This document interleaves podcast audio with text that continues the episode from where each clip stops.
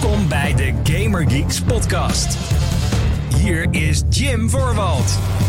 Hallo mede Gamer Geeks, wat leuk dat je luistert naar de Gamer Geeks podcast, de talkshow van GamerGeeks.nl, waarin ik en soms een andere geek je graag bijpraten over hetgeen wat er speelt in en rondom de gaming-industrie. Ik ben Jim, datum van opname is 15 december 2022. Het einde van het jaar nadert en dat betekent dat de Game Awards zijn geweest. Uh, de vorige aflevering die je wellicht hebt meegekregen via bijvoorbeeld je favoriete podcastdienst, Apple Podcast, Spotify, daar waar deze show te beluisteren is. En waar je uh, kan abonneren op deze show als je er meteen bij wilt zijn als er een nieuwe aflevering gepubliceerd wordt. Abonneer je. Uh, er zijn ook andere podcast-apps waar het te vinden is. Maar de vorige aflevering heb ik, ben ik door alle nominaties heen gegaan van alle awards. De awards zijn inmiddels geweest en wat een show was het. Wat een ik vond het een vette show. Laat ik daar meteen mee openen. Wat een te gekke show. Uh, te gekke show. Dus de aankondigingen en uh, welke games ze allemaal gewonnen hebben. Nou, ik geef je een klein overzicht zometeen. Ehm, volgens mij had ik het op vele fronten aan het rechte eind. Maar bij sommigen natuurlijk ook niet. Zoals dat gaat met voorspellingen. Uh, mocht je deze show trouwens willen zien, dat kan ook. Uh, via youtube.com slash gamergeeksnl wordt de videoversie van deze podcast geüpload. Dan kan je mij zien en eventueel ondersteunend beeldmateriaal. En dan hopen dat er, uh, dat er geen gierige gamebedrijven zijn die zeggen... Hé, hey, dat is onze trailer die daar vertoond wordt. Hoppakee, claimen die shit. Want dat gebeurt. Ook met podcasts die lijkt 2,5 uur duren of zo. Maar um, tot dusver is dat nog niet even afkloppen. Nog niet gebeurd op Spotify, waar de videoversie ook op te bekijken is. Wat ik heel erg vet vind. Uh, en op Spotify heb je dan natuurlijk de keuze. Luister je naar de audio of wil je de beeld bij? Super chill vind ik dat. Uh, ga dat dus checken en abonneer. Want hoe meer zielen, hoe meer vreugd. Uh, dat, zo is het altijd bij deze show. Welkom. leuk dat je erbij bent. ik heb er ook wel weer zin in. Er is ontzettend veel gebeurd. ik wilde eigenlijk vorige week opnemen. Toen werd ik nogal ziekjes zal waarschijnlijk te maken hebben met de kou en zo. En uh, het geen ritme meer hebben na een nacht Game Awards kijken. Maar uh, blij dat ik erbij ben en uh, blij dat jij erbij bent dus. voordat ik naar de meet van deze show ga, een paar kleine korte nieuwtjes die ik toch wel even besproken wil hebben. Omdat het anders gaat er zoveel tijd overheen. En dan moet ik toch een klein beetje mijn ei over kwijt. het eerste kleine nieuwtje is Xbox. Die gaat de prijzen van zijn games verhogen vanaf volgend jaar. We zijn inmiddels wel bij PlayStation, uh, PlayStation 5 zijn we inmiddels wel gewend dat games daar op zijn minst 70 euro kosten. En hebben we het natuurlijk over de, de grote AAA, de, de grote games. De, de, de, de premium games, om het maar zo te zeggen. Dus geen indie of kleinere partij die iets publiceert. Maar de nieuwe grote games zijn 70, 75 euro in de winkel. 80 euro vaak op de PlayStation Store. Xbox bleef daar een beetje achter. Uh, die bleven rond de 60 euro hangen. Maar uh, gaan uh, vanaf volgend jaar ook overstag. En gaan hun prijzen verhogen naar 70 euro. De Starfield en Redfall en noem het allemaal maar op. Wordt 70 euro. Tenzij je Game Pass hebt natuurlijk. Dan krijg je die, um, de games die ik net noemde. In ieder geval bij je abonnement. Waar je ook voor moet betalen. Maar die prijzen gaan nog niet omhoog. Gaat wel gebeuren. Maar um, er was nogal wat controverse omheen. Zag ik her en der online. Van oh, durven ze ik uh, vind het eigenlijk wel begrijpelijk. Zeker in de huidige economische situatie. Microsoft heeft nog niet hun hardware duurder gemaakt.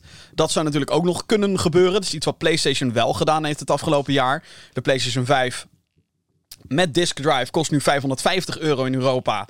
Uh, in plaats van 500. En uh, zonder 450 in plaats van 400. Dus um, laten, laten we blij zijn dat ze dat dan nog niet gedaan hebben, I guess. En ze hebben Xbox Game Pass. Dit is waarschijnlijk voor hun nog meer reden om te zeggen: ja, we moeten het wel kunnen veroorloven om de games los uh, aan je te kunnen verkopen. Maar ja, er is ook nog Xbox Game Pass. dus nog meer, nog aantrekkelijker om dat abonnement uh, te nemen. Niet dat ik uh, gesponsord word door Microsoft, maar Xbox, bel me vooral. deze show is sponsors nodig. Maar Overdreven natuurlijk. Maar het zou wel leuk zijn. Ik weet niet of ik dan met een gamingpartij per se in zee zou moeten gaan. Of nou hardware zou ook wel leuk zijn. Maar dan ben ik weer heel erg hard op aan het denken. Bel me, mail me. Podcast.gaminggeeks.nl Oké. Okay.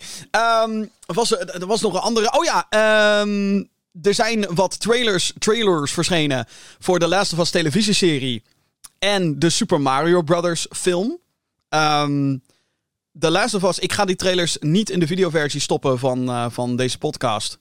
En dat is omdat Nou ja, dat soort dingen worden echt het allersnelst geclaimd. Als, bedrijven, als, er, als er één type bedrijf is dat achter beeldmateriaal aangaat. Uh, wat, wat, wat opnieuw gepubliceerd wordt online. Ook al is het met commentaar van ondergetekende. Dan zijn het wel uh, veel maatschappijen.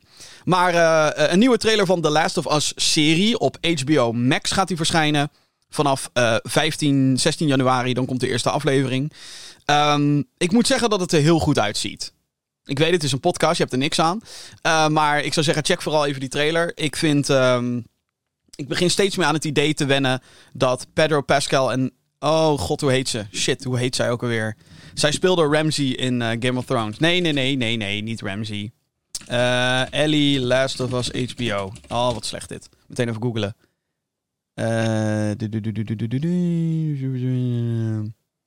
ik zoek naar de cast, jongens. Ik zoek niet naar wie het schrijft. Pedro Pascal. Bella Ramsey. Jawel, Ramsey. Oké, eh, iets, met, iets met Ramsey. Uh, Bella Ramsey. Zij speelt uh, Ellie. En ik begin steeds meer aan het idee te wennen. En ik vind ook, de beelden zagen er vet uit. We zagen een aantal personages die niet in de game zaten. En daar ben ik wel blij mee. Dat ze um, niet alleen maar de game opnieuw gaan vertellen. Alhoewel, wat ik tot nu toe heb gezien, wel heel erg lijkt. De algemene verhaallijnen en alle beats die in de game zitten, gaan ze ook herhalen hier. Maar dan in live action en in een serie. Ik uh, ben heel benieuwd hoe het gaat, uh, gaat werken. Ik, uh, ik verheug me er wel op. Dan was er ook nog een nieuwe trailer voor de Super Mario Brothers film. Holy shit. Wat is dat vet. Wat is dat ongelooflijk. Het ziet er zo goed uit. Het klinkt leuk. Um, alle characters uh, die je erin zou willen hebben, die zitten erin. Donkey Kong heeft een niet zozeer een remake, maar een redesign gekregen. Die wat meer lijkt op uh, zijn oudere uh, arcade Donkey Kong zelf. En dat vind ik heel erg tof. Ik, uh, ik verheug me ontzettend erg op die film. Dus ik zou zeggen, um, ga die beelden checken als je dat nog niet gedaan hebt. Want er is zat om je op te verheugen. Goed, dat gezegd te hebben... De playlist. ja, er staat ontzettend veel op mijn playlist. Als in, ik ben heel veel dingen door elkaar heen aan het spelen. Uh, Call of Duty Modern Warfare 2 bijvoorbeeld. Aan het spelen. Is onlangs een nieuwe update uitgekomen. Met Shipment. De meest gehate map van mij in Call of Duty als je het slecht aanpakt. Ze hebben het slecht aangepakt, wat mij betreft. Um, Fortnite, Chapter 4 is er. Heb ik ook nog heel veel over te vertellen, doe ik op een ander moment. Um, Evil West heb ik heel veel zitten spelen. Uh, God of War Ragnarok, uiteraard. Maar God of War Ragnarok komt zeker nog ter sprake in deze show. Don't you worry, don't you worry now. Um, maar ik wil één andere game aanraden. Een game die deze week is uitgekomen, twee dagen geleden. Uh, op onder andere, uh, daar gaan we weer, Xbox en PC Game Pass. Ik heb nu PC Game Pass voor een jaar, heb ik genomen. Tot dusver nog geen spijt van gehad, want nu kan ik High on Life spelen op release. High on Life is een nieuwe game um, waar de schrijver achter Rick and Morty achter zit. De animatieserie Rick and Morty. U wel bekend. Waarschijnlijk wel. Um, zelf ben ik geen groot Mick... Uh, Mick? En Rorty. Zou een leuke spin-off zijn. Het zou me niet verbazen als die grap al een keer gemaakt is in die serie. Maar uh, ik heb zelf nog maar één seizoen gezien van Rick en Morty. Want ik snap de humor volledig. Ik vind wel dat je in een soort van bepaalde stemming moet zitten om Rick en Morty echt te kunnen waarderen. Um, ik, ik, vind het, ik vind het vaak... Ja, ik weet, ik heb dus niet alles gezien, dus voor hetzelfde geld wordt het allemaal leuker. Maar ik merkte wel dat ik um, in een bepaalde mood moest zijn om Rick en Morty echt grappig te vinden. En uh, want Rick en Morty gaat zo diep als het gaat om science fiction en harde humor ook. Uh, van, die, van die humor waarbij je soms kan denken, oh, maar dat is helemaal niet nice. Maar dat is dan juist de humor erachter, dat het keihard is. En die, um, die, die, die guy die erachter zit, Justin Roland, is dus betrokken geweest bij een nieuwe game die heet High on Life. Is op dit moment uh, dus verkrijgbaar op Xbox, Xbox Series S en X en PC. Zowel op Steam als via de Xbox app. Ik heb hem dus via PC Game Pass uh, al even kunnen spelen. En ik moet zeggen, uh, dit was zo'n game dat toen hij werd aangekondigd, dacht ik: yo, dit is. Het ziet er heel erg vet uit. En hoe tof is dit? Toen werd de game van oktober naar december uitgesteld. Dan denk je al: oké, waarom ga je in december releasen? Nou, is dat dit jaar echt een, een, een nieuwe trend, lijkt wel. Um, dat er nog steeds gewoon dit jaar wordt, wordt er nog van alles en nog wat uitgebracht. Ook in december. Normaal is december echt wel de maand om te vermijden, omdat dan alle holidays voorbij zijn. En de Game Awards zijn dan al voorbij. Dus je kan ook niet meer meedoen aan die prijs. Ehm, ook al lijken dat allemaal twijfels. Ik heb, en dan moet ik daar ook de voetnoot bij maken dat ik zelf slechts drie uur nog maar heb gespeeld van High on Life. Maar van wat ik tot nu toe heb gespeeld, is dit een heerlijke game. Het is een first-person shooter. Waarin jij begint in, eh, in je eigen huis, in je eigen kamer. Ehm, jouw zus die snuift cocaïne en die zegt: Haha, ouders zijn een week op vakantie. Laten we lekker partyen vanavond. Ehm, en op het moment dat je eigenlijk de deur uitstapt, komen er aliens. En die aliens willen mensen oproken. mensen zijn drugs voor deze aliens. Ehm, er wordt een alien voor je neus doodgeschoten en je hoort ineens gemompel uit de zak van die alien komen. Daar is een gun en die gun die praat. Dat geweer is een wezen die je kan gebruiken als pistool. Dus dat praat tegen je en die zegt eigenlijk gewoon: ja, je planeet is eigenlijk een beetje verdoemd, maar laten we, laten we kijken of we uh, deze motherfuckers kunnen stoppen alsnog. Uh, volg mij maar. Uh, en hij transporteert jouw huis naar een alien planeet. En vanuit daar word je een bounty hunter. En ga je het opnemen tegen de G3 aliens die de planeet Aarde willen oproken. Letterlijk en figuurlijk. Dat is het plot. Dat klinkt bizar. Dat is het ook. Maar de, het tempo waarmee de game dit allemaal aan je introduceert. En de manier hoe dat allemaal gedaan wordt. Is te gek. Ik, de, de humor is wat mij betreft spot on in deze game. En humor is heel subjectief. Je kan niet. Hè, mensen kunnen er zijn mensen die Family Guy echt het allergrappigste ooit vinden. En dan heb je ook mensen, begrijpelijk, die Family Guy, nou ja, fucking saai vinden. Die, snap, die denken het zal wel. Hetzelfde geldt voor South Park. Hetzelfde geldt voor Rick and Morty. Et cetera. Dus wat dat betreft is het heel erg subjectief. Als iemand die Rick and Morty seizoen 1 leuk vond, vond ik dit geniaal.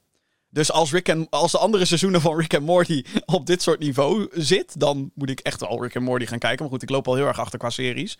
Dus die kan er ook nog wel bij op mijn uh, binge-lijst. Maar de humor is geweldig. Het is um, unapologetic. Het is uh, hard. Het, heeft, het, het, het speelt met je verwachtingen continu.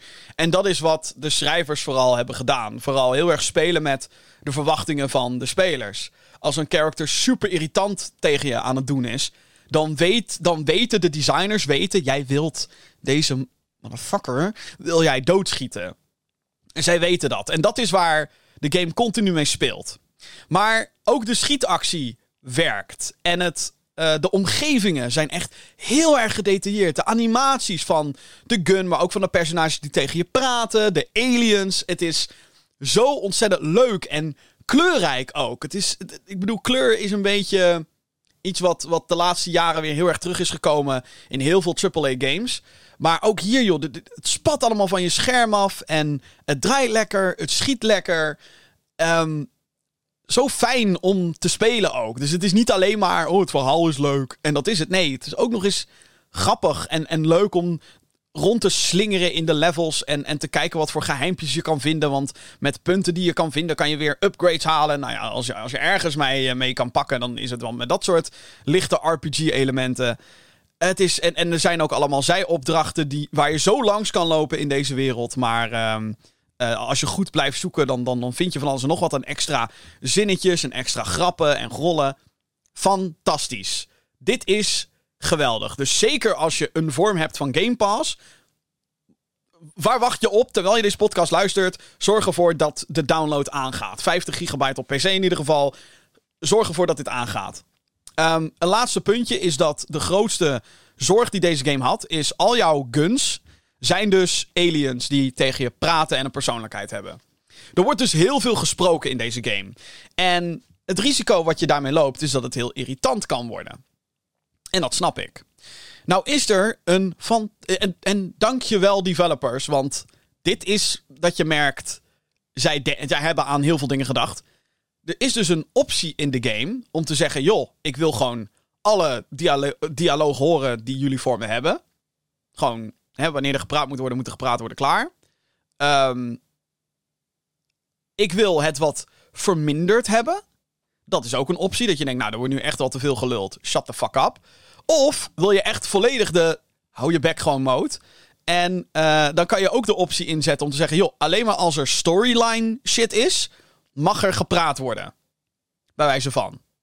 En dat vind ik een fantastische optie. Ik heb nu drie uur gespeeld dus. En ik moet zeggen dat op den duur wordt het gepraat wel een beetje... Oh, dat je wel denkt, ja, oké, I get it. Shut, shut, the fuck up. Maar je hebt dus opties om dat even te verminderen als je gewoon een beetje wil rondlopen en een beetje aliens wil schieten. Heerlijk, heerlijk, heerlijk. Te gek. En, en ik heb zoiets van, de meeste dialoog vond ik leuk. Dus daarom wil ik het zoveel mogelijk aanhouden. Geweldig. High on life. Ik kan het niet vaak genoeg um, zeggen dat, dat dit iets is wat je op zijn minst moet uitproberen. Als je er 50 euro voor moet neerleggen, wat de game kost op PC in ieder geval. Ja, het moet wel natuurlijk jouw straatje humor zijn. Dus als je fan bent van Rick en Morty, is het sowieso een dikke aanrader. Um, ik zou zeggen, wacht dan nog eventjes met die 50 euro neertellen. Want ik ga nog doorspelen en ik ga zeker nog wel wat uh, verdere impressies geven van deze game. Maar jeetje, Mina. Wat, ik heb echt gewoon keihard zitten lachen achter, me, achter mijn computer terwijl ik dit aan het spelen was. En dat gebeurt niet heel vaak bij videogames. Dus dat is een, een, een, een obscuur iets. Uh, goede humor in videogames. Ik wil één klein stukje laten horen ook. En laten zien voor de videoversie. Dit was echt zo'n compleet random stuk ook. Um, waarin je een stuk snelweg in teleporteert om langs een rivier te komen. En uh, dat, dat, dat is al een concept dat je denkt, oké. Maar dan zijn er dus een paar weggebruikers. Ja, die, die komen dan in hun. Voor, wat voor hun een file is, komen ze terecht. En uh, dat levert het uh, volgende tafereel op. Waarin dus. Um, nou ja, laat ik het zo zeggen. Er wordt geruzied. huh? You want us to just disappear all this fucking traffic? Hey! Holy shit, where the fuck are we? Hey, who gives a shit? I got places to be. Fuck you! Hey, both of you! Shut the fuck up! I'm gonna Eat fucking kill ass, you, shithead! Move your fucking car! Learn how to drive, asshole! Don't fucking honk me! No, fuck you, I'll kill you. This is bullshit. Don't make me grab my tire iron. Fuck you, En dit gaat dus gewoon door en door en door en door en door en door en door. Dat gezegd hebben, uh, je moet wel een beetje tegen F-bombs kunnen en dat soort dingen. Maar ik denk dat het, het is wel grove humor. Maar daar hou ik wel van. Ik, uh, ja, ik vind het heel erg leuk. Um, high on Life. Uh, op dit moment een, uh, een high op de aanraderslijst. Zometeen in de Gamer Geeks podcast. Ha, de Game Awards. Dat is waar deze show voor een merendeel voor de rest over zal gaan. Veel release data zijn er bijvoorbeeld onthuld op de Game Awards. En een aantal andere grote aankondigingen ga ik met je doornemen. Niet alles, want dan zit ik hier over 15 uur nog, denk ik. Um, een van de games die is aangekondigd, dat is, dat is er ook eentje die moet op je wishlist. En naast de Game Awards is er ook nieuws over Hogwarts Legacy. Die krijgt twee nieuwe release data. Zei dat nou goed, Jim? Twee nieuwe release data? Hoe zit dat? Blijf luisteren. Oké. Nieuws. Dat was al een hele slecht. Jeetje, Mina. Het nieuws van de afgelopen week gaat natuurlijk allemaal over die ene, die ene avond. Het avondje was gekomen van de Game Awards. Afgelopen week zijn dus de Game Awards uitgereikt door onder andere Jeff Keighley tijdens een groot event. Wat gelivestreamd werd. Over een aantal van de aankondigingen, aankondigingen tijdens die livestream kom ik zo bij op terug. Maar eerst de grote winnaars. Elden Ring won de twee belangrijkste awards. Namelijk die voor Game of the Year en Best Game Direction. Daarnaast kreeg de door From Software ontwikkelde titel ook de beeldjes voor Best Art Direction en Best Role-Playing Game mee naar huis. De andere grote winnaar van de avond was God of War Ragnarok. De game won Best Action Adventure Game, Innovation in Accessibility, Best Score and Music, Best Audio Design, Best Narrative en Christopher Judge won Best Performance voor zijn vertolking van hoofdpersonage Kratos. De kattengame Stray won Best Debut Indie Game en Best Independent Game. En Final Fantasy XIV won Best Community Support en Best Ongoing Game.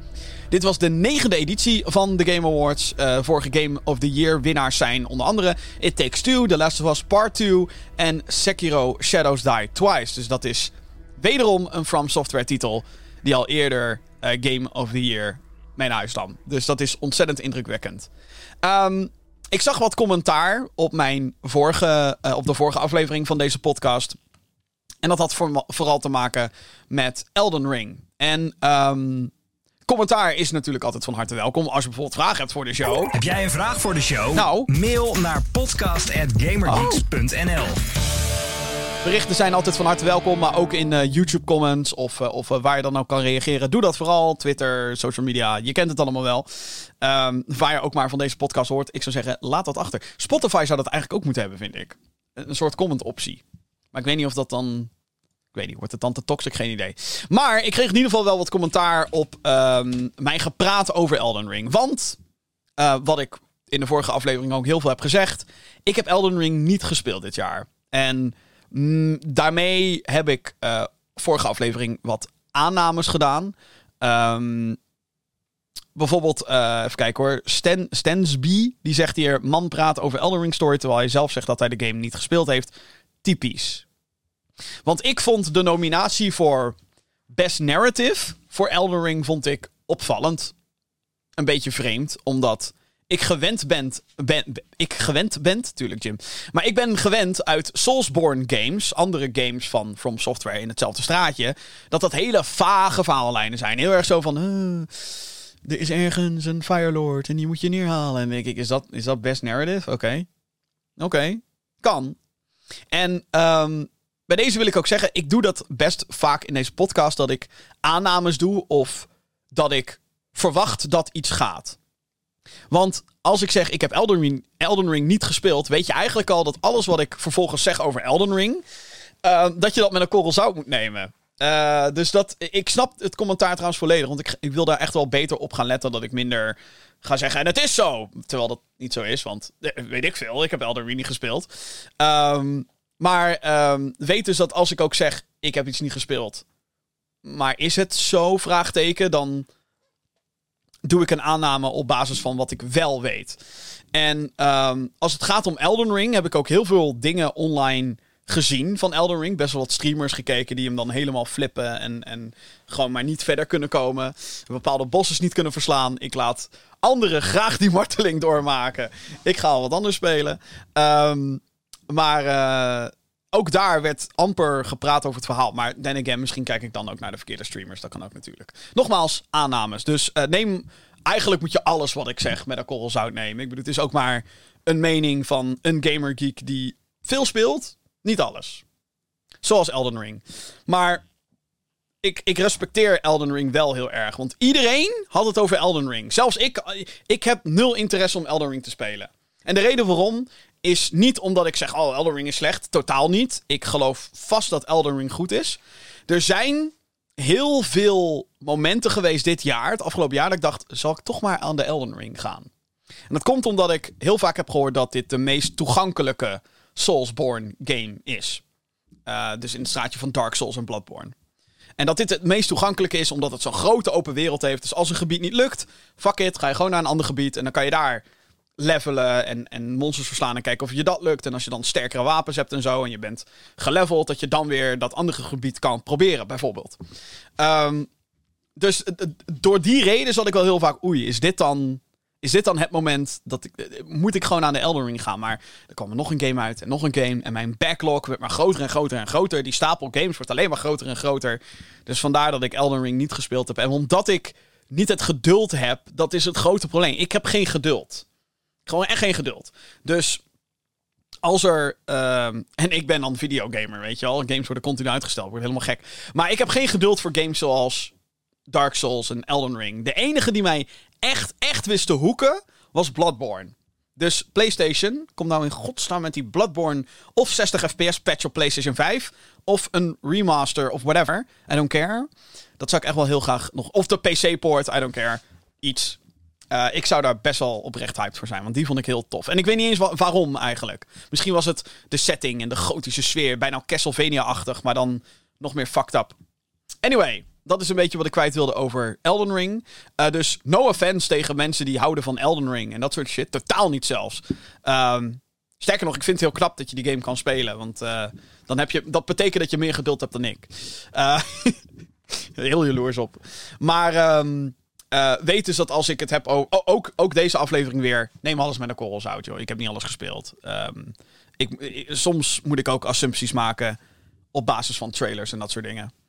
Um, Elden Ring terecht de winnaar? Ja. Dat denk ik wel. Omdat iedereen het er dus over had. En omdat. Uh, ik van heel veel mensen en andere podcasts en weet ik wat allemaal heb gehoord. Dit is fantastisch, dit is onvergetelijk, bla bla bla. Dus moet ik het, misschien dat ik het ooit ga spelen, weet ik veel. Ik ga geen beloftes maken wat dat betreft. Ehm, ik was heel blij met uh, God of War, hoeveel awards het won. Ik ben zelf nog niet heel ver met God of War Ragnarok. Um, maar alles wat ik tot nu toe heb gespeeld, vind ik wel heel mooi. Heel krachtig. Heel goed geregisseerd. Dat je gewoon weet, oh ja, dit, dit is hoe de speler soort van geleid wordt zonder dat er een dikke pijl op je scherm staat. Um, heel, heel erg toffe game. Dus um, dingen zoals best score en music snap ik volledig. Best audio design snap ik ook, want oef, mooie soundscape zit er in die game. Best Action Adventure snap ik ook helemaal. En Christopher Judge als uh, Kratos is geweldig. Ik moet wel.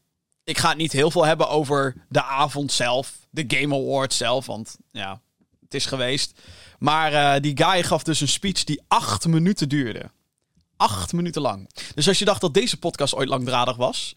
Misschien moet ik Christopher Judge een keer uitnodigen. Dan uh, hebben we een aflevering van vier uur, denk ik.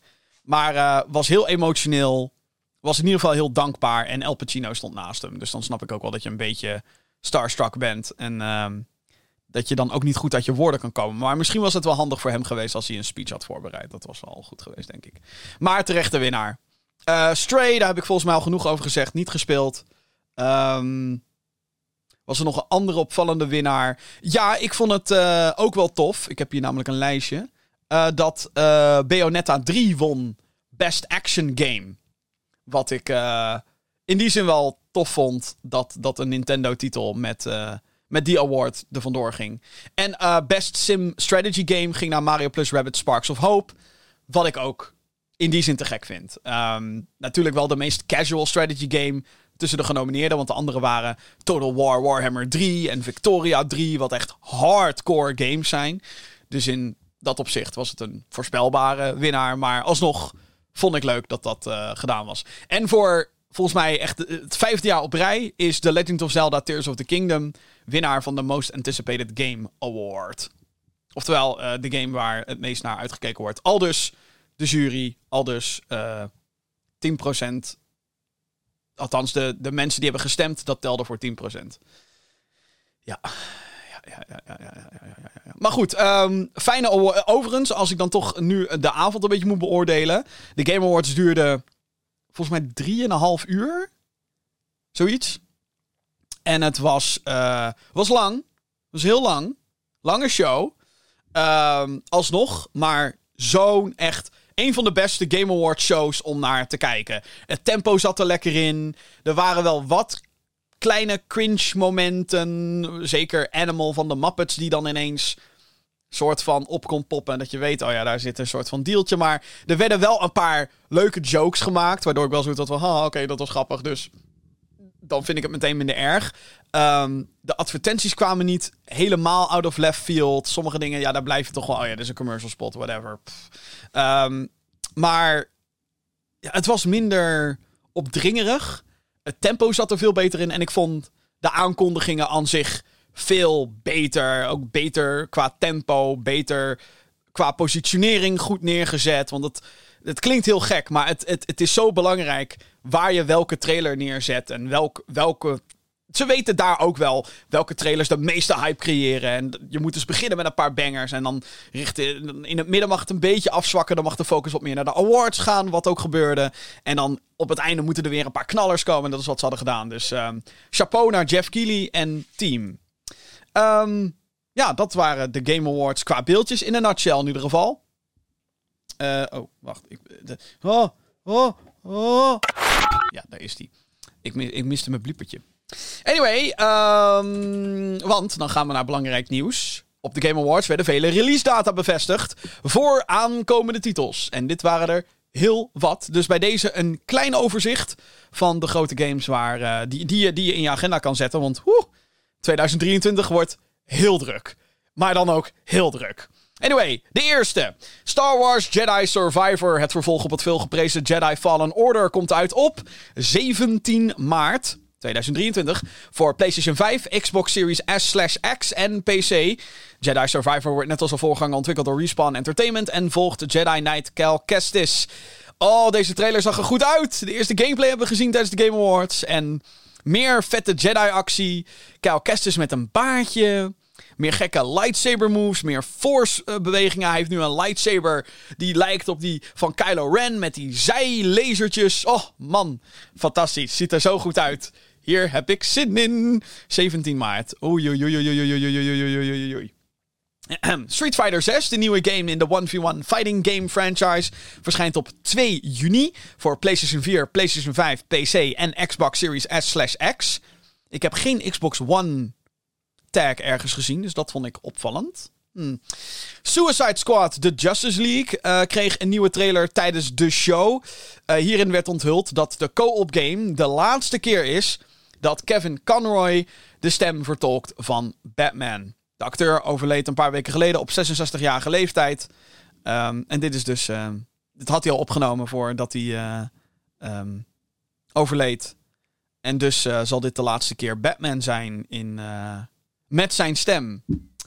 Ja. De game zelf verschijnt op 26 mei voor PS5, Xbox Series S/X en ook PC. Um, ik vond dit een ja, een, een, een, gek genoeg een, een, een emotioneel moment tijdens de show. Ook al is de trailer zelf voor het merendeel niet echt emotioneel. Want ja, je ziet leden van The Suicide Squad, Deadshot, Captain Boomerang en Harley Quinn en King Shark een beetje klooien met een Flash die soort van half confused is, half bewusteloos. En dan komt er uit rook komt, komt Batman en die zegt... I am the night. I am vengeance. I am Batman. En dat is dan Kevin Conroy. Um, ik heb het idee dat ze um, misschien wel de onthulling van Batman al hadden gepland of zo. Maar wat ik ergens heel smaakvol vond, is dat er geen gameplay bij zat. Want ik kan me zo voorstellen dat ze meer een soort gameplay trailer in gedachten hadden. Waarin ze dan, oh ja, kijk hoe wacky en gek deze game is. En Suicide Squad eh, leden die springen rond en die schieten en uh, uh, gekke chaos. Maar dit was eigenlijk gewoon ja, een, een cinematic. Waarin dan als laatste Batman tevoorschijn kwam. En um, een titelkaart. Thank you, Kevin, voor zijn contributie aan Batman. Hij deed namelijk ook de stem van um, Batman in de uh, Batman Arkham games. De drie hoofdspellen. Dus Arkham Asylum, Arkham Knight en Arkham City. Niet de goede volgorde van release dit, maar daar deed hij het ook. En dat heeft hij fenomenaal gedaan. Dat, was echt, dat maakte het helemaal af. Dus uh, emotioneel moment tijdens... Uh, althans, ja, emotie. Ik weet niet. Ja, ik, ik, ik, ik, ik, werd wel, ik zat wel een beetje zo van, oh, wauw. Wauw. Ja, vond het indrukwekkend. Um, ook de PC-poort van The Last of Us Part 1 heeft een release datum. Dit was tijdens een van de commercial breaks, wat ik grappig vond, dat uh, zo'n datum daarin werd onthuld. Maar het kan. Op 3 maart 2023 kunnen gamers op PC voor het eerst aan de slag met The Last of Us franchise. The Last of Us Part 1 is een grafische remake van de in 2013 verschenen game. Uh, zowel de remake als het origineel zijn ge gemaakt door Naughty Dog. Was nogal wat controverse over deze remake. Omdat mensen zoiets hadden van: waarom bestaat deze remake? De remaster ziet er prima uit en kan je spelen op PS5. Ben ik het overigens mee eens. Alhoewel ik wel moet zeggen dat The Last of Us Part 1 er wel ontzettend goed uitziet. Ben ik ook nog aan het spelen tussendoor. Hoe hou ik dat vol? Geen idee. Um, dan Diablo 4. Heeft ook een release datum. De hack-and-slash RPG zet de strijd neer tussen de engel Inarius en de demon Lilith. Die tevens ook verantwoordelijk waren voor het creëren van de sterfelijke wereld in de Diablo Universe. Ja, de game komt op 6 juni naar PS4, PS5, Xbox One, Xbox Series S/X en PC. Diablo 4 is een game. Ziet er goed uit. Um, ik vertrouw alleen het bedrijf erachter niet meer. Blizzard. Ik weet niet. Ze zijn, het is gewoon niet meer het Blizzard van vroeger. Dus kunnen ze het nog? Ik moet zeggen, ik heb wel heel veel lol met Overwatch 2. Hmm. Overwatch 2 is um, sketchy as fuck als het gaat om zijn, hoe duur de skins zijn en zo. En het free-to-play model en de battle passes en bla bla bla bla bla. Maar de game zelf, oeh, ik, uh, ik geniet er wel. Ik heb, nu ik het erover heb ook gewoon, heb ik zin om te spelen. Damn. Hmm. Maar wel heel benieuwd. Oh, sorry, ik stoot alsnog. Ik doe heel voorzichtig met mijn drankje, stoot ik er alsnog mee tegen mijn microfoon aan. Maar uh, Diablo 4, ja, ik ben, ik ben Diablo-fan. Dus uh, ik, ik, Diablo 2 is wat mij betreft een van de beste games ooit gemaakt. Diablo 3 vond ik... Eh, ja, leuk. Het is leuk om te spelen, daar niet van. Maar heeft niet de magie van 2. En kan dit dat recapturen? Geen idee. Dat is iets dat, Wellicht dat ik nu al de verwachting te hoog heb, waardoor het alleen maar kan teleurstellen. Maar ik ga er graag met een open mind in. Op 6 juni dus, want dan komt hij uit. De grote eindiger van de show was Final Fantasy 16. Uh, een nieuwe grote epische trailer werd daar, uh, werd daar uh, onthuld. de, de, de, de, director kwam, kwam ook onstage. Hij is tevens ook de regisseur geweest van Final Fantasy 14 Reborn. De, toen Final Fantasy 14 voor het eerst uitkwam, was de fucking drama. En daarna kwam, kwam hij met het plan: joh, we blijven de game ondersteunen. En we gaan ondertussen een nieuwe MMO bouwen. Nou, dat is een gigantisch groot succes. Dus hij wordt uh, in vele opzichten gezien als de redder van Final Fantasy. En uh, regisseert dus ook Final Fantasy 16. Beelden waren fucking episch. Ik ben niet heel snel geïnteresseerd in JRPG's. Maar dit ziet er wel echt heel erg vet uit. Dus uh, voor Final Fantasy 16 maak ik graag een uitzondering. En het kan zomaar zijn dat als ik eenmaal aan deze JRPG begin, dat het, dat het dan niet meer te houden is. Ik heb ook Final Fantasy 7 Remake op PS5 liggen. Moet ik eigenlijk ook wel een keer spelen. Maar dan echt gewoon spelen, spelen. Niet alleen maar de eerste, eerste act. De eerste, eerste vijf tot tien uur. Nee, maar echt gewoon helemaal doorspelen. Want ook dit zal geen uh, korte game zijn. Maar wanneer komt hij nou uit, Jim? Uh, ja, uh, sorry. Final Fantasy 16 komt op 22 juni naar PlayStation 5 en PC. Beelden waard om te checken. Als je zeg maar dit in de trein luistert of zo, maak even een notitie op je telefoon. Of een mentale noot. Trailers om te kijken. Final Fantasy 16. Ja, uh, dat zijn dan de release dates uh, die ik hier dan. Uh, de belangrijkste release date, dates, wat mij betreft. Wordt een druk jaar, hè? Als je, als je dit allemaal op een rij zet. En dan komt er nog zoveel meer bij. Holy shit. Dat was echt. Damn. Wordt, wordt drukke boel. Maar wel in de meest leuke zin, denk ik. Want ik, ik denk dat het alleen maar tof is als we meer kunnen zeggen: holy shit. Deze game is er en deze game. dat je denkt is, ik heb liever te veel goede games dan te veel. Dan dat je denkt, ja, ja, ik speel wel omdat er verder niks nieuws is. Ik heb liever dat wat we nu gaan krijgen in 2023. Damn. Oké. Daarover gesproken. De Game Awards had aankondigingen van nieuwe games ook. ook dus niet alleen maar release data. Uh, de eerste grote verrassing van de avond was Hades 2. Nu al hyped. Um, dit is namelijk het vervolg op een van de populairste roguelike games die er is. Het originele Hades. Uh, dit keer speel je als... Ik ga deze naam verzieken, dus sorry. Uh, Melinoe. De zus van, uh, van, het hoofdpersonage uit de eerste game. Zagreus. dit keer gaat zij op jacht naar de Titan of Time, Kronos. Waar ze een appeltje mee te schillen heeft. En daar komt waarschijnlijk al het hele roguelike principe vandaan. Dat Kronos continu gewoon de tijd terugzet. En dat zij zoiets heeft van, ja shit, godsamme, gaan we weer. Uh, Hades 2 is de eerste keer dat, het on, uh, dat ontwikkelstudio Supergiant Games een vervolg maakt. Voor Hades, de eerste, maakten zij namelijk Bastion, Transistor en Pyre. Dus elke keer zijn ze iets anders, iets nieuws gaan doen. Maar nu komt er gewoon een vervolg. Hades 2 verschijnt aankomend jaar eerst in Early Access op PC, net zoals de voorganger. Na de volle release volgen waarschijnlijk ook consoleversies Net zoals bij de voorganger, maar dat is nog niet bevestigd. Voor nu is de early access release voor aankomend jaar is, uh, een ding. Ja, ik, uh, ik vond dit wel vet. Ik vind Hades één... Hades is te gek. Hades is echt zo tof. Uh, ook al denk je, ah, oh, dat roguelike, dat roguelite gebeuren, ja, moet, moet ik niks van hebben. Echt waar. Hades is een uitzonderlijk goede game. Uh, het heeft een vet verhaal. Het, het heeft een goede verklaring voor het hele. Oh, je moet opnieuw beginnen. Maar dan met random elementen. Wat dat betreft briljant. En ik denk dat deze game dat op diezelfde manier gaat aanpakken. Te gek. Maar ook de actie, joh. De gameplay. En het hele sfeertje. De soundtrack rokt keihard. Net zoals in deze trailer overigens voor de tweede. Te gek. Als je Hades nog niet gespeeld hebt. Echt waar. Doe jezelf een plezier. En speel Hades. Het is op PC. Het is op PlayStation. Het is op Xbox. Het is op Switch. Op, is het op Game Pass? Geen idee. Is het op whatever. Speel dit. Want het echt waar. Hades, of Hades 1 is te gek. En ik ga er daardoor ook vanuit dat Hades 2 ook heel erg tof gaat worden. Want damn, son. Hoe kan dit nou fout gaan? Het enige waar ik wel een beetje mee heb is. Um, wat ik jammer vind. Ook begrijpelijk. Omdat. Nou, dit wordt heel erg een herhaling van hopen ze natuurlijk van het succes van deel 1. Alleen het early access gebeuren dat ik wel denk...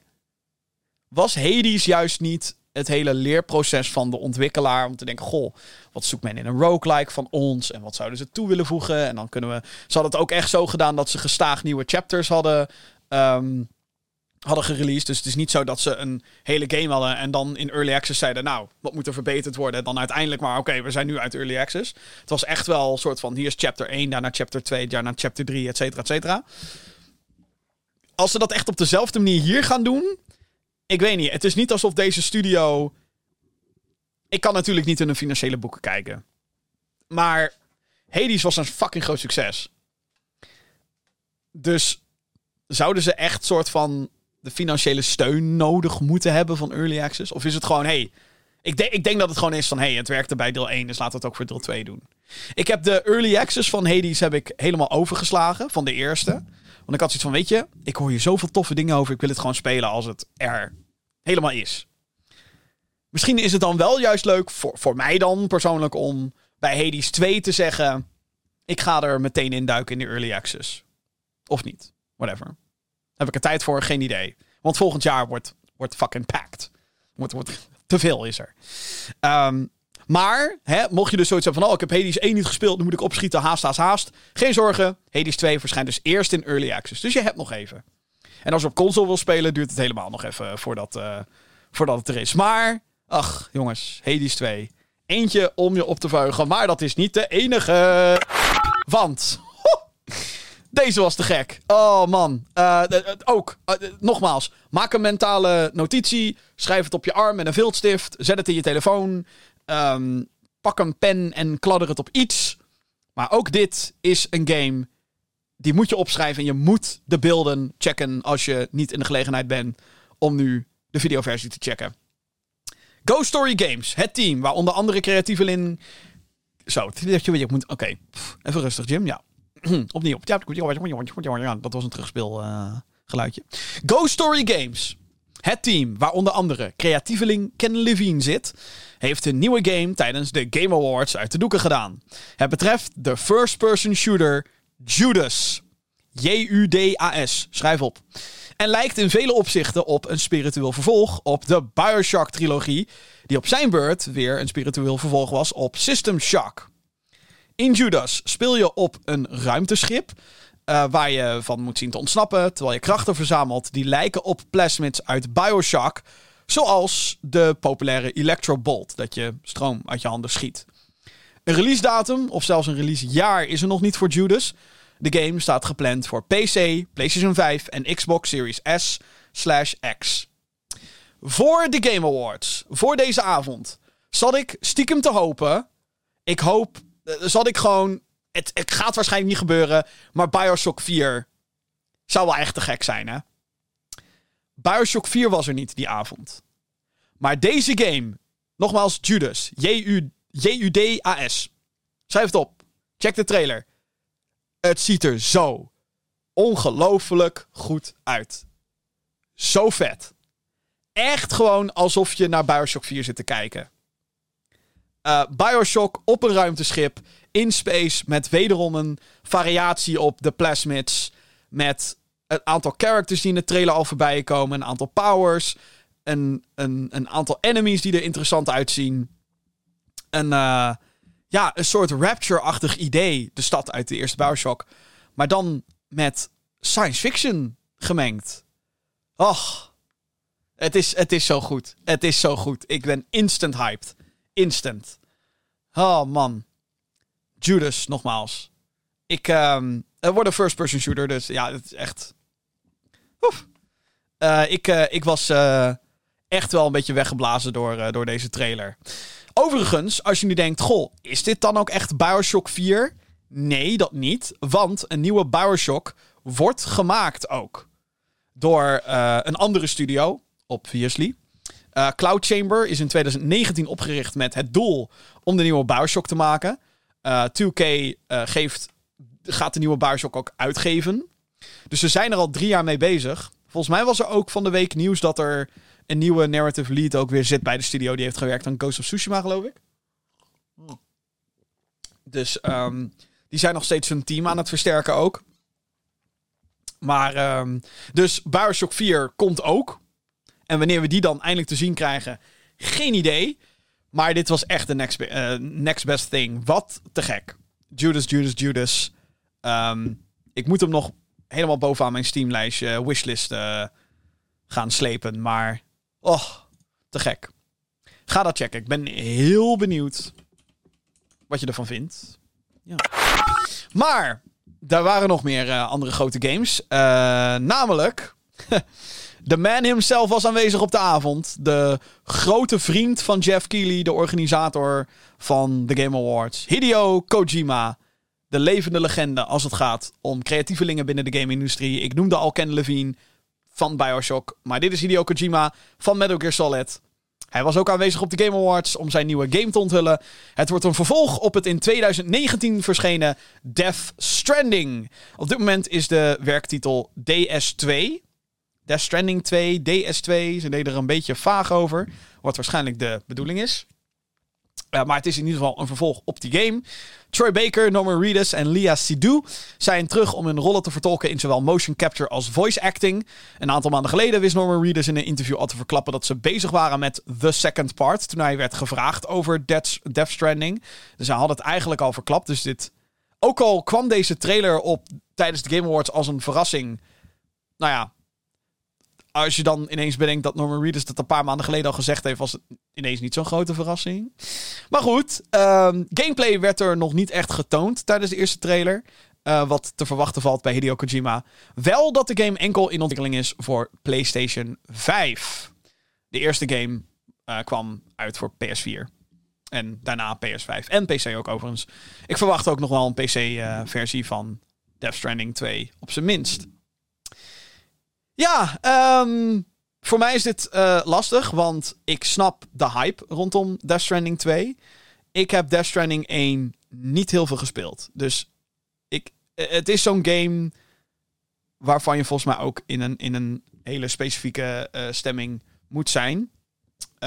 Om dat tof te vinden. Of je moet het echt snappen. Of je moet bepaalde dingen niet erg kunnen vinden. Of whatever.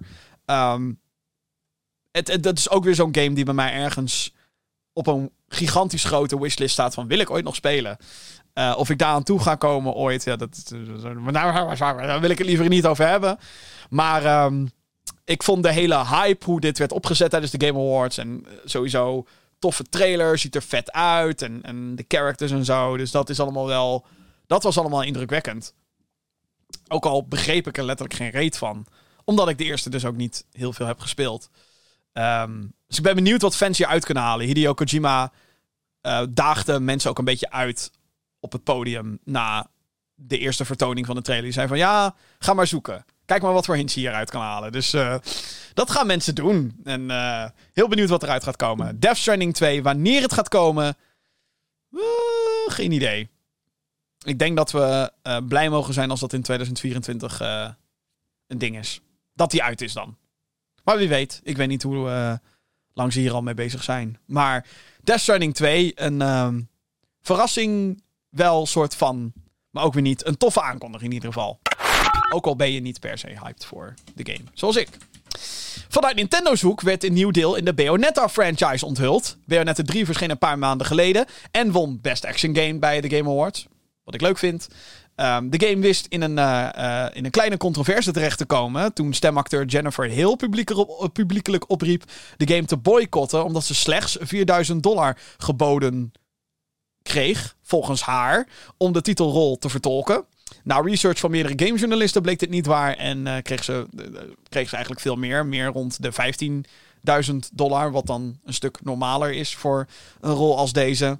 Heel veel modder werd er heen en weer gegooid online. Um, maar goed, Bayonetta 3 schijnt een excellente action game te zijn. Ook niet aan toegekomen. Maar goed, uh, nieuwe game dus. Ja, de nieuwe game. Hoe heet die dan? Uh, nou, de nieuwe game heet Bayonetta Origins, Syriza en The Last Demon.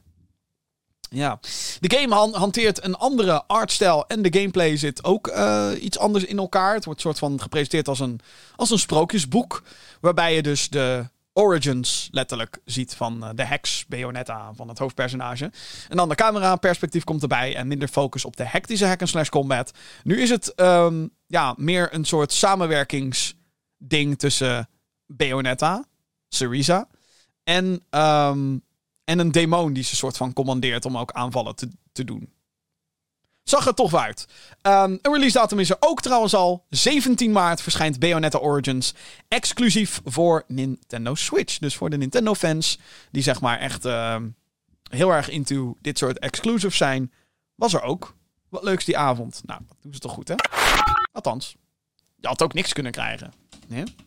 Dat geldt voor PlayStation 4 gamers die misschien meer Horizon willen. Oeh, burn. Echt waar? Ja. Horizon Forbidden West krijgt namelijk een uitbreiding. Deze werd onthuld tijdens de Game Awards. De, uh, en dat gaat heten The Burning Shores. En het zal Los Angeles als speelgebied bevatten. Nieuw voor de wereld van Horizon in ieder geval. Eloy moet daar wederom op zoek naar uh, mysterieuze robotmachines. Daartegen vechten. Misschien is ze wel op zoek naar nog een AI of nog iets anders. Wie zal het weten? Veel over het verhaal werd er niet echt uh, bekendgemaakt. Um, The Burning Source is dus een uitbreiding op het in februari verschenen Forbidden West. De game was een aantal keer genomineerd voor Game of the Year, maar won helaas geen enkele award. Ont, nou ja, niet zozeer onterecht, want er waren heel veel andere goede games in verschillende categorieën. Um, maar wel sneu voor Guerrilla Games dat ze nul awards hebben gekregen. Vind ik sneu voor ze. Want ik vind Horizon Forbidden West een meer dan prima hele goede game.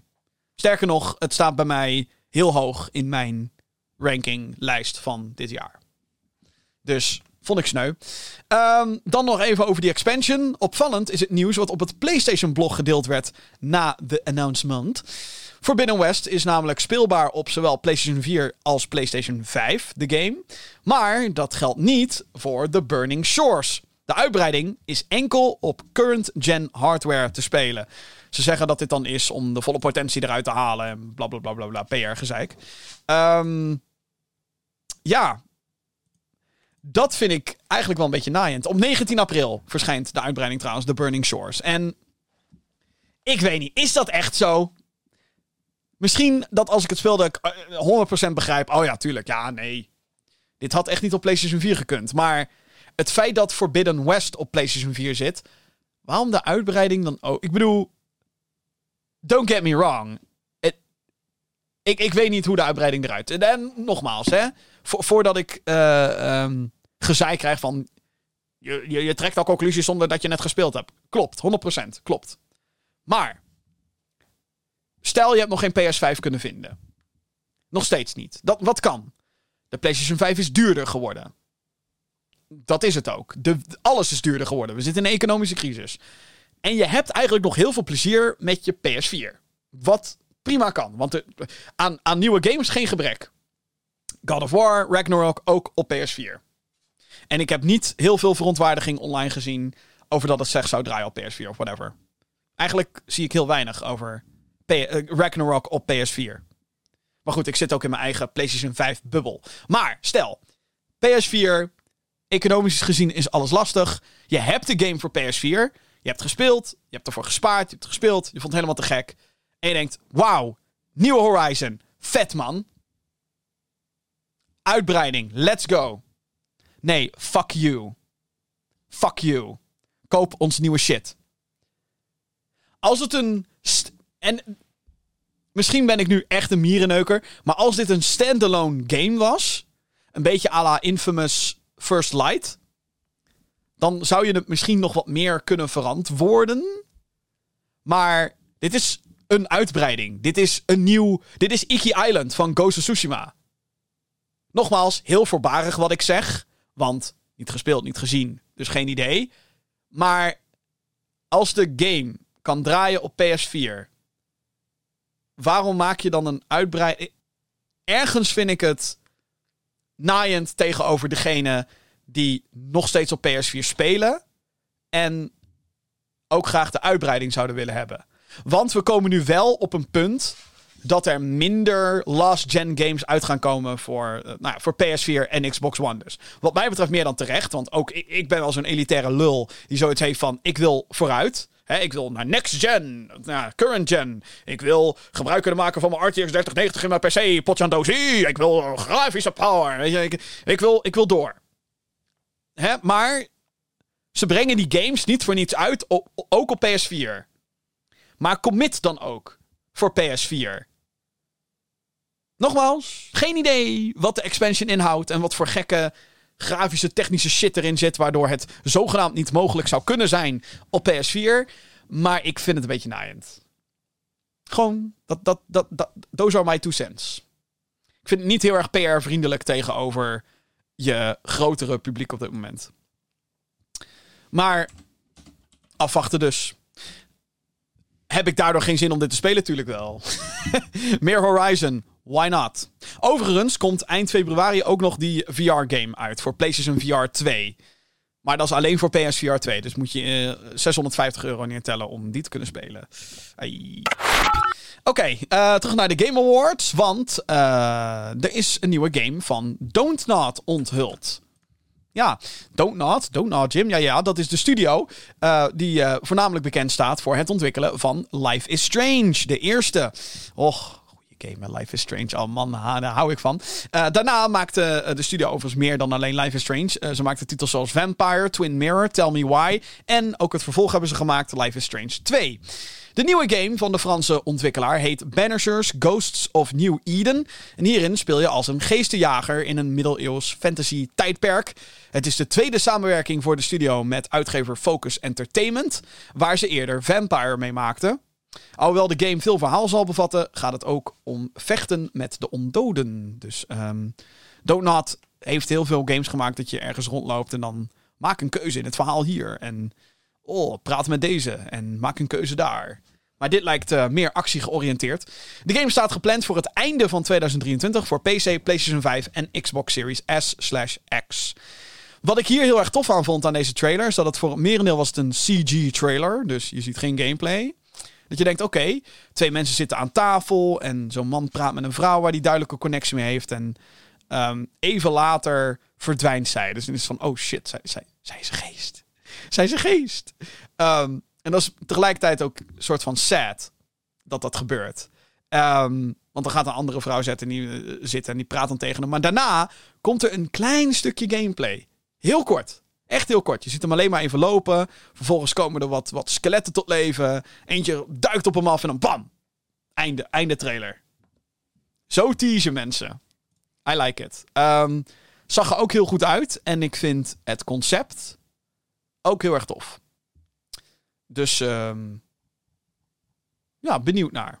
Eentje om uh, soort van in de gaten te houden. Ook al wordt 2023 heel druk.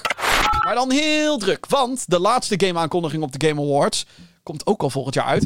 Uh, en de laatste aankondiging op de Game Awards, althans qua game, uh, was er eentje uit de hoek van From Software, een uitgever Bandai Namco. From Software staat dan weer bekend om het maken van de zogeheten Soulsborne games, zoals Demon's Souls, Dark Souls, Bloodborne, Sekiro en dit jaar de Game of the Year winnaar Elden Ring. De nieuwe game is onderdeel van een oudere franchise van de studio. Het is namelijk Armored Core 6 Fires of Rubicon. Het klinkt als een soort Transformers uh, film. The Fires of Rubicon, Sam. You must put the cube in my chest. Zoiets. Er komt trouwens ook een nieuwe Transformers film aan. Die Beast Wars shit. Die ziet er vet uit. Had ik niet verwacht. Anyway, Armored Core. Sorry. De laatst verschenen game in de franchise was Armored Core 5 in 2012. Toen de tijd nog voor Xbox 360 en PlayStation 3. Ik voel me oud. Armored Core is een franchise waarbij actie tussen gigantische robots, a.k.a. mechs, centraal staan. Daarbij is het dus belangrijk om te vermelden dat Armored Core 6 volgens de ontwikkelaar geen Soulsborne is. En dus veel, meer, uh, en dus veel van die elementen niet zal hebben. Dus het wordt vermoedelijk niet zo tering moeilijk. Het is niet zo dat als je doodgaat, dat je dan weer bij een checkpoint, checkpoint ergens terugkomt en dat iedereen dan weer leeft en zo. Um, vermoedelijk, maar ook een beetje afwachten, wordt het veel lineairder met missie 1, missie 2, missie 3, etc. Armored Core 6 moet in 2023 verschijnen voor PlayStation 4, PlayStation 5, Xbox One, Xbox Series S/X en PC. Ja.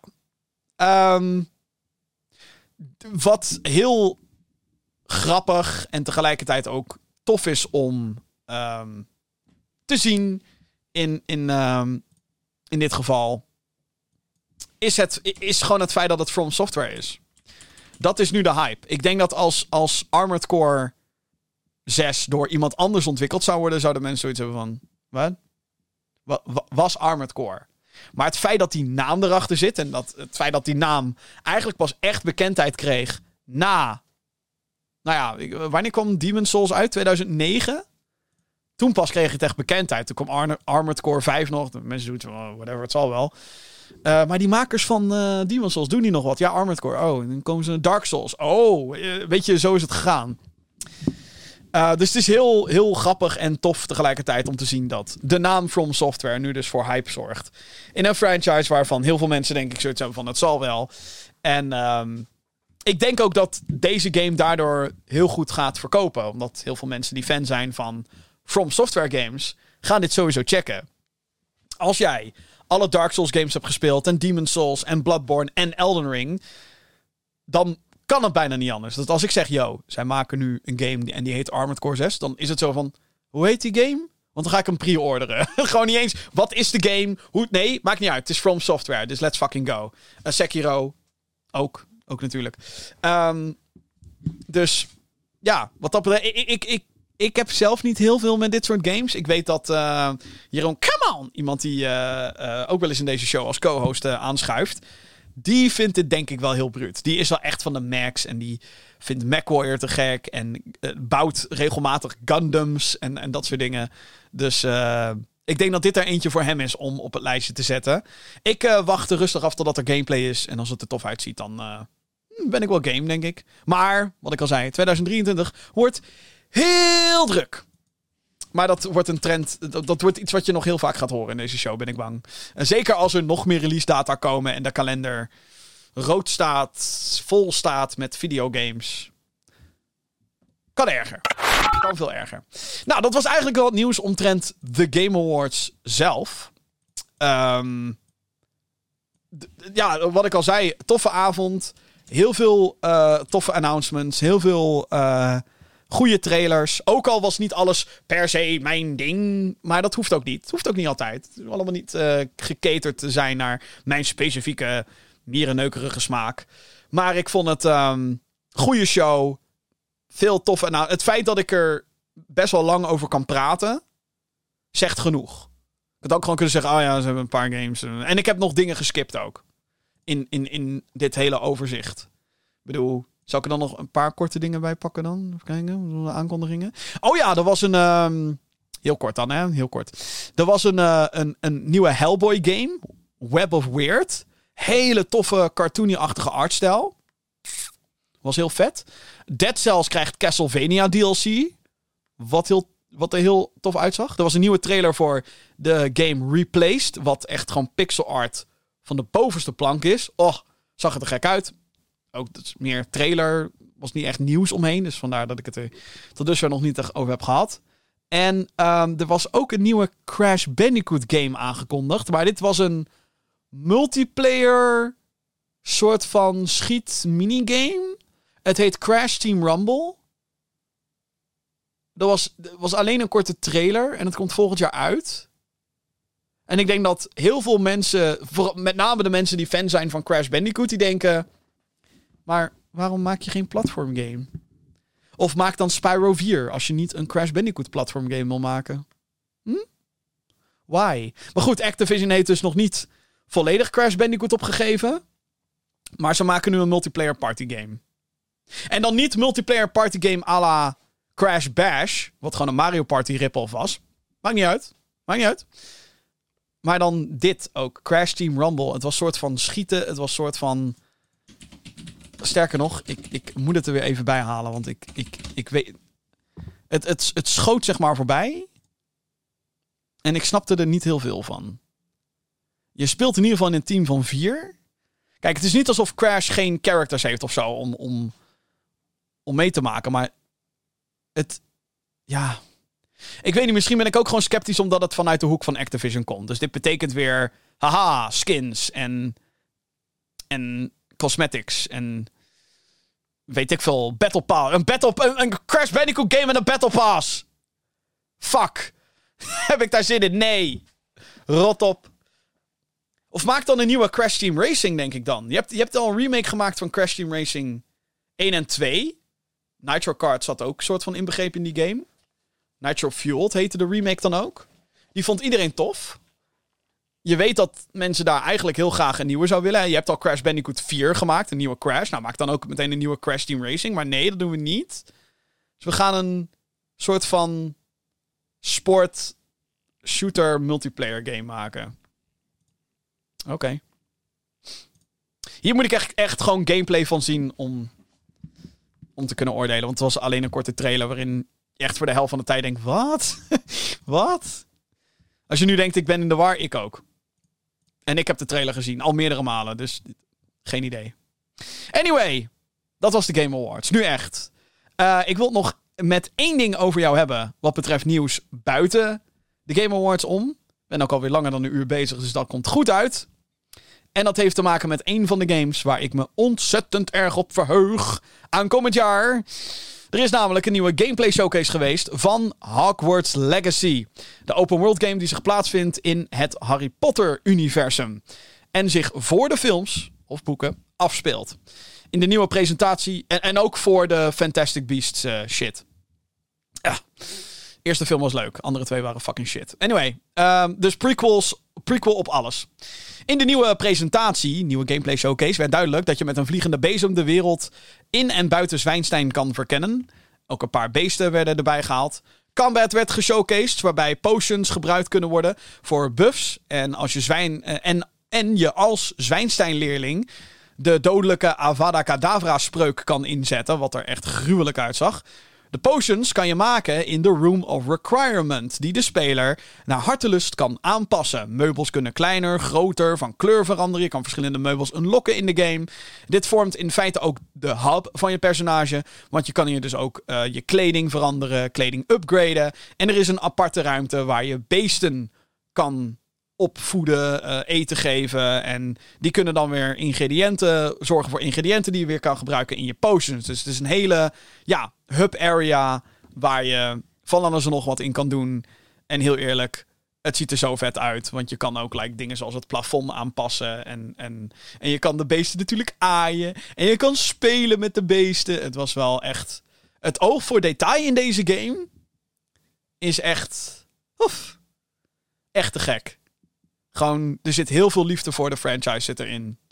En um, daar ben ik van onder de indruk. Alhoewel de game de zogeheten gold status bereikt heeft. Dus de game is in principe af. Wordt naar de fabriek gestuurd om geprint te worden. Uh, is er ook minder goed nieuws wat betreft de release datum. Als je op PlayStation 5, Xbox Series S/X of PC wilt spelen, is er niets aan de hand. De game staat nog steeds gepland voor 10 februari 2023. Dan verschijnt de game voor die platforms. Maar als je op last-gen platforms wil spelen, dan moet je wat langer wachten. De PlayStation 4 en Xbox One versies komen uit op 4 april 2023. Dus dat is hmm, pak een beetje twee maanden uh, langer wachten. Wil je op Nintendo Switch spelen, dan is het nog veel langer wachten. Oh, die versie komt namelijk pas 25 juli. Juli 2023. Volgens Avalanche Software, de ontwikkelaar van de game, is dit om de kwaliteit te bewaren voor alle versies van de game. Maar ze vinden het onnodig om de versies die al wel af zijn, dus de next of de current gen versies, om die verder uit te stellen. Dus vandaar dat ze hiervoor hebben gekozen. Um, ik vind dit. Um, ik vind dit goed. Ja.